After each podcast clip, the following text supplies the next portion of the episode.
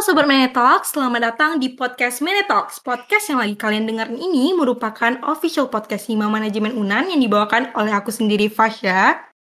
Dan aku Pia. Nah, dengerin podcast Menetalks ini pas banget nih buat nemenin kegiatan kalian jadi lebih asik. Nugas jadi lebih santai, makan jadi lebih nikmat, nemenin di kala macet, dan bisa ngisi waktu malam mingguan kalian juga loh. Bener, setuju banget nih sama Pia. Temenin kegiatan kalian biar makin asik pastinya. Waduh, saking asiknya kita sampai lupa kenalan ya Pia. Gimana kalau kita kenalan dulu? Kenalin, aku Fasya Azara Syona dari jurusan Manajemen Angkatan 2020. Dan aku Sevia Dikurnia dari jurusan Manajemen Angkatan 2020. Nah, kita berdua bakal nemenin kalian di podcast Minetox di episode kali ini. Tentunya nggak cuman kita berdua sih sekarang ini. Tapi kita itu ada didatangin bintang tamu yang keren sih ini Pia. Keren parah sih Syah, nggak ada obat. Langsung aja kita sapa. Halo Kak Putih. Halo Kak, gimana nih kabarnya Halo. Kak? Alhamdulillah baik. Ini Fasya sama gimana nih? Baik banget nih kayaknya. Alhamdulillah baik juga Kak. Alhamdulillah baik banget nih Kak. Kak Putih ini merupakan mahasiswa manajemen angkatan 18 yang baru aja wisuda dengan predikat cum laude. Wah, keren banget kan? Keren banget sih. Boleh nih Kak, eh, mungkin Sobat Menetox pengen kenalan nih sama Kak Putih. Mungkin Kak Putih bisa langsung kenalan juga sama Sobat Menetox. Aku yakin banget pasti mereka penasaran banget di balik suara Kak Putih ini. Silakan Kak. Oke, eh, jadi perkenalkan nama kakak Putih Salsabil Azahra. Biasa dipanggil sama teman-teman Putih. Kakak alumni manajemen Universitas Andalas angkatan 2018. Gitu. Halo Kak Putih. Salam kenal ya Kak. Iya, Salam tahu nggak Kak, kesibukan Kak Putih belakangan ini apa nih? Ah, em, sebagai fresh graduate ya, kesibukan kakak eh, akhir-akhir ini ya apply CV, mulai sibuk tes eh, pekerjaan gitu deh. Wah, keren Sebelum banget. kita tanya mengenai perjalanan Kak Putih di perkuliahan sampai bisa kumlot nih. Aku mau tanya dulu nih Kak Putih. Boleh tahu nggak sih Kak gimana kakak awalnya kok bisa masuk UNAN? Tuh kayak kenapa Kak Putih memilih UNAN dan jurusan manajemen gitu? Hmm, kalau untuk UNAN ya, pasti kan di dalam setiap keputusan kita itu nggak diri kita sendiri kan. Eh, adalah campur tangan kayak dari orang tua, apalagi kakak waktu itu masih SMA. Hmm, terus waktu itu udah di kelas 3 SMA. Udah mulai tuh mikir, ih mau ke mana ya? Kuliah di mana ya? Awalnya mikirnya mau kayak, ih kayaknya seru deh eh, jauh dari orang tua, kos sendiri. Kayaknya eh, enak di luar Padang gak sih? Di luar Sumatera lah gitu. Awalnya nggak kepikiran Yunan, tapi orang tua kayak nyaranin gitu kan. Yang deket aja lah nak dulu. Ntar kerjanya mungkin bisa kali ya yang di luar gitu kan. Akhirnya mulailah oh ya Unan kayaknya boleh nih. Kan Unan masuk dalam peringkat 10 besar universitas terbaik Indonesia kan.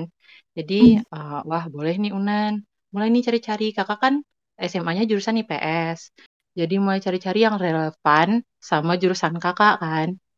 Hmm, minatnya sih waktu itu akuntansi lumayan minat manajemen kayaknya seru nih soalnya kakak tuh emang kayak suka memanage sesuatu gitu loh di antara teman-teman kakak, kakak yang suka eh, nge-arrange acaranya. Terus untuk acara sekolah pun eh, kakak juga sering eh, mengatur acara di sekolah gitu. Jadi terpikirlah kayaknya manajemen eh, bagus deh dan pertimbangan lapangan pekerjaan pun waktu itu mikirnya untuk lulusan manajemen eh, banyak dicari juga kan. Jadi oh ya udah manajemen Unan nih Gitu ceritanya. Gitu ta. Eh, Kak boleh nanya juga dong Kak. Eh, Mhm. boleh dong Kak ceritain kan eh, Kakak nih terhitung tiga tahun tiga bulan nih Kak di Unan. Nah, gimana sih Kak perjalanan Kakak dari awal masuk sampai wisuda? Hmm, dari awal masuk ya. Jadi waktu itu uh, pengumuman SBMPTN kan, tanggal 3 Juli ya, kan ingat banget 3 Juli 2018. Nah, alhamdulillah nih lolos di uh, manajemen UNAN. Terus beberapa hari kemudian langsung uh, ada surat pemberitahuan gitu untuk melakukan medical check up. Nah, udah setelah itu medical check up, ngikutin proses bakti, uh, eh, TAC, training andalan karakter, terus ada wasbang, ada bakti-bakti jurusan dan kegiatan jurusan lainnya untuk mengenalkan kakak ke eh mengenalkan ya mengenalkan kakak ke uh, jurusan manajemen. Lalu uh, perkuliahan kakak selama tiga tahun tiga bulan bisa dibilang alhamdulillah lancar-lancar aja sih. Uh, teman-temannya asik, dosen-dosennya juga asik, pembelajarannya pun mudah dipahami gitu ya. Kita fast forward aja ya ke bagian skripsi nih. Jadi yeah. waktu itu kakak ada kelas seminar uh, manajemen sumber daya manusia karena konsentrasi kakak kan uh, sumber daya manusia nih. Nah waktu itu kakak ada kelas seminar manajemen sumber daya manusia. Itu kan masih masa online ya yang di mana kita terus Zoom, WA gitu-gitu. Nah, di hari itu, tanggal 5 Maret tahun 2021, kakak uh, lagi kelas nih, seminar uh, manajemen sumber daya manusia. Dosennya itu Bapak Hendra Lukito. Bapak itu waktu itu ngechat kakak, ngechat pribadi Zoom gitu kan. Uh, putih, uh, kenapa off cam? Nah, waktu itu kebetulan kakak off cam karena uh, jaringan gak stabil kan. Terus kakak jelasin, oh iya maaf pak, uh, Putih izin off cam karena jaringan Putih di sini nggak mendukung buat Putih uh, on cam. Kalau Putih on cam nanti keluar gitu kan, jelasin semuanya. Oh iya, terus bapaknya nanya, Putih udah ada itu belum dosen pembimbing? Kakak bingung kan? Lah, dosen pembimbing? Ini dosen pembimbing akademik atau skripsi apa gimana nih? Kan harus semester 6 ya? Kayak kakak udah mikir skripsi sih, tapi kayak untuk pembimbing itu entahkah semester 7 syari gitu kan. Terus uh, kalau untuk pembimbing skripsi Putih sendiri belum ada sih Pak. Oh belum ada ya kata bapaknya. Terus uh, bapaknya nanya, variabel Putih udah disiapin belum? Kalau bapak boleh tahu apa aja? Kakak jelasin kan variabel kakak. Terus bapaknya bilang, oh menarik ya. Uh, Putih udah ada gambaran belum uh, dosen mana yang bakal jadi dosen pembimbing? Uh, maaf sebelumnya Pak, uh, belum ada sih Pak. Oh ya udah, bagaimana kalau Bapak yang jadi dosen pembimbing? Jadi ceritanya uh, Pak Hendra itu menawarkan Bapaknya jadi dosen pembimbing. Nah dari sana uh, kakak mulai untuk bikin proposal. Uh, sebelum itu berarti uh, timelinenya sebelum KKN. Sebelum KKN itu kakak udah bikin proposal, udah uh, merancang-rancang kuesioner, sampai akhirnya uh, pas KKN kakak masih bikin-bikin skripsi. Setelah KKN itu uh, udah mulai uh, mengumpulkan jawaban responden untuk kuesioner kakak. Terus setelah itu di bulan di bulan November kakak sidang hasil seminar hasil gitu. Hmm, berarti bilang cepat ya kak dari semester 6 ke semester 7 Kak Putih udah mulai ngerjain skripsi Iya. gitu Kak Putih? Iya, di semester 6. Wah. Kalau Kak Putih sendiri ada ngikutin organisasi nggak Kak selama Kak Putih kuliah di UNAN? Uh, kakak sendiri masuk TMC, The Management Club. Wah, anak TMC hmm. ternyata. Iya, anak TMC. Oh iya, boleh nggak kakak uh, kasih disclaimer dulu? Apa ya, tuh kak? Boleh kak. Nah, gini. Jadi kan uh, masa kuliah kakak itu tiga tahun tiga bulan. Nah, itu tuh terhitung dari hmm, tanggal masuk sampai tanggal uh, sidang seminar hasil.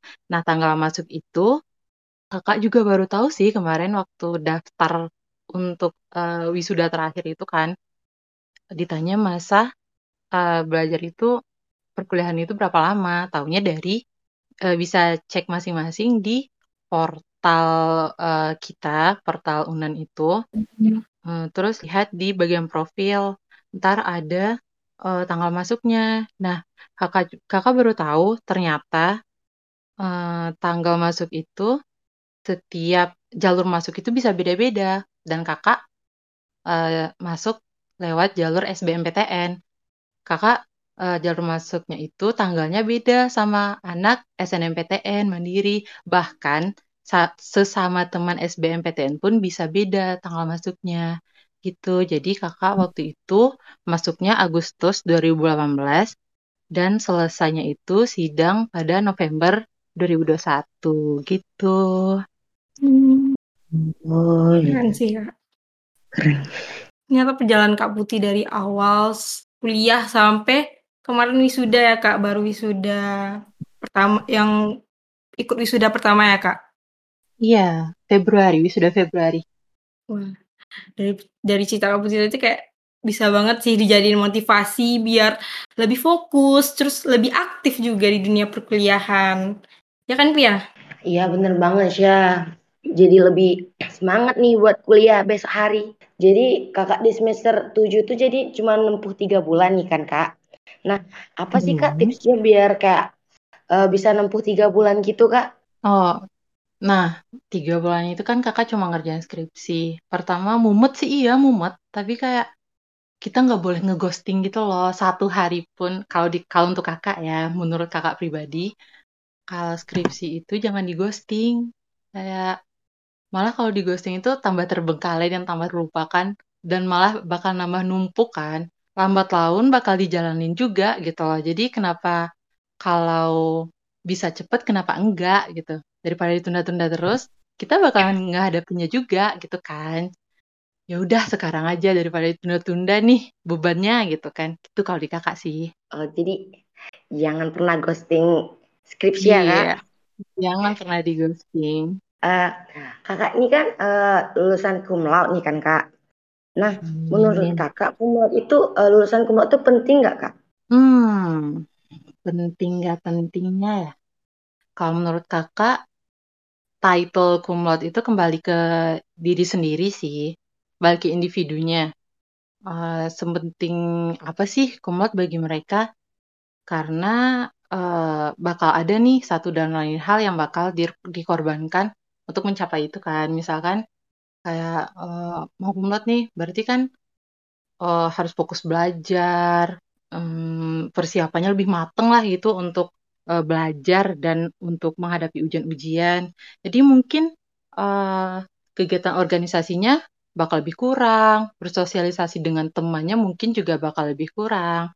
Nah, terus kalau untuk kakak sendiri nih, laude ini eh, merupakan salah satu pembuktian keseriusan kakak dalam belajar.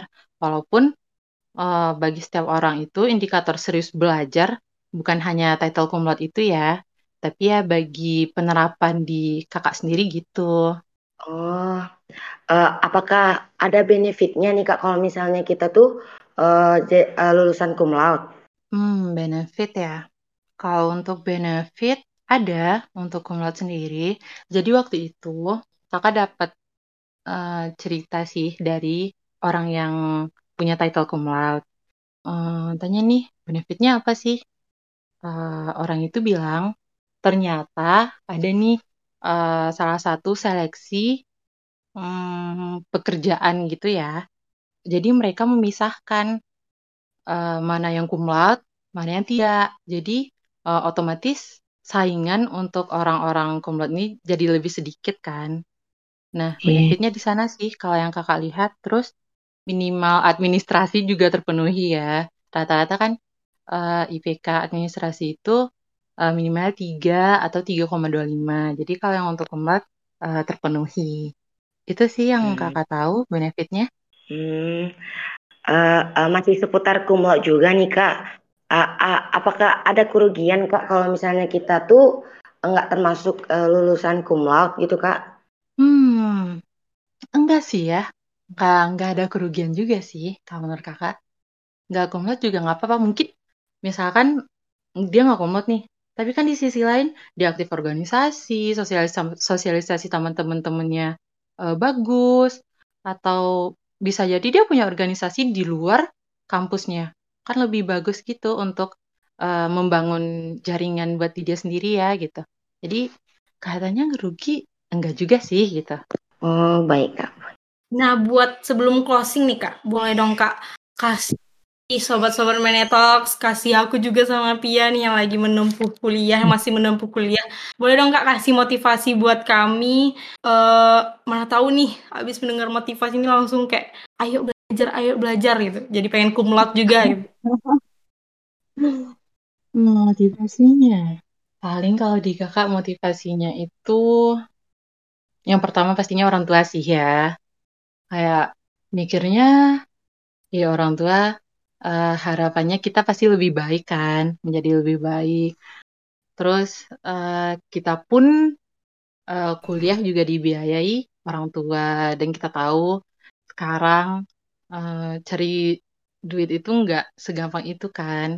Nah, kita menghargai mereka. Kita memberi pembuktian nih kepada mereka kalau kami bisa lebih baik dengan cara pendidikan kita. Terus hmm, ingat umur. kalau ditunda-tunda terus, kalau males-malesan terus, umur kita ini nggak bakal uh, menunggu kita gitu loh. Mereka akan terus berjalan. Jadi ya ingat umur sih. Hmm. Dan apalagi ya, kalau semakin kita tunda tuh, semua goals kita itu bakalan juga tertunda. Jadi kalau menurut kakak, kalau bisa cepat, kenapa tidak gitu? Benar, kalau bisa cepat ya kenapa enggak ya kan kak? Iya.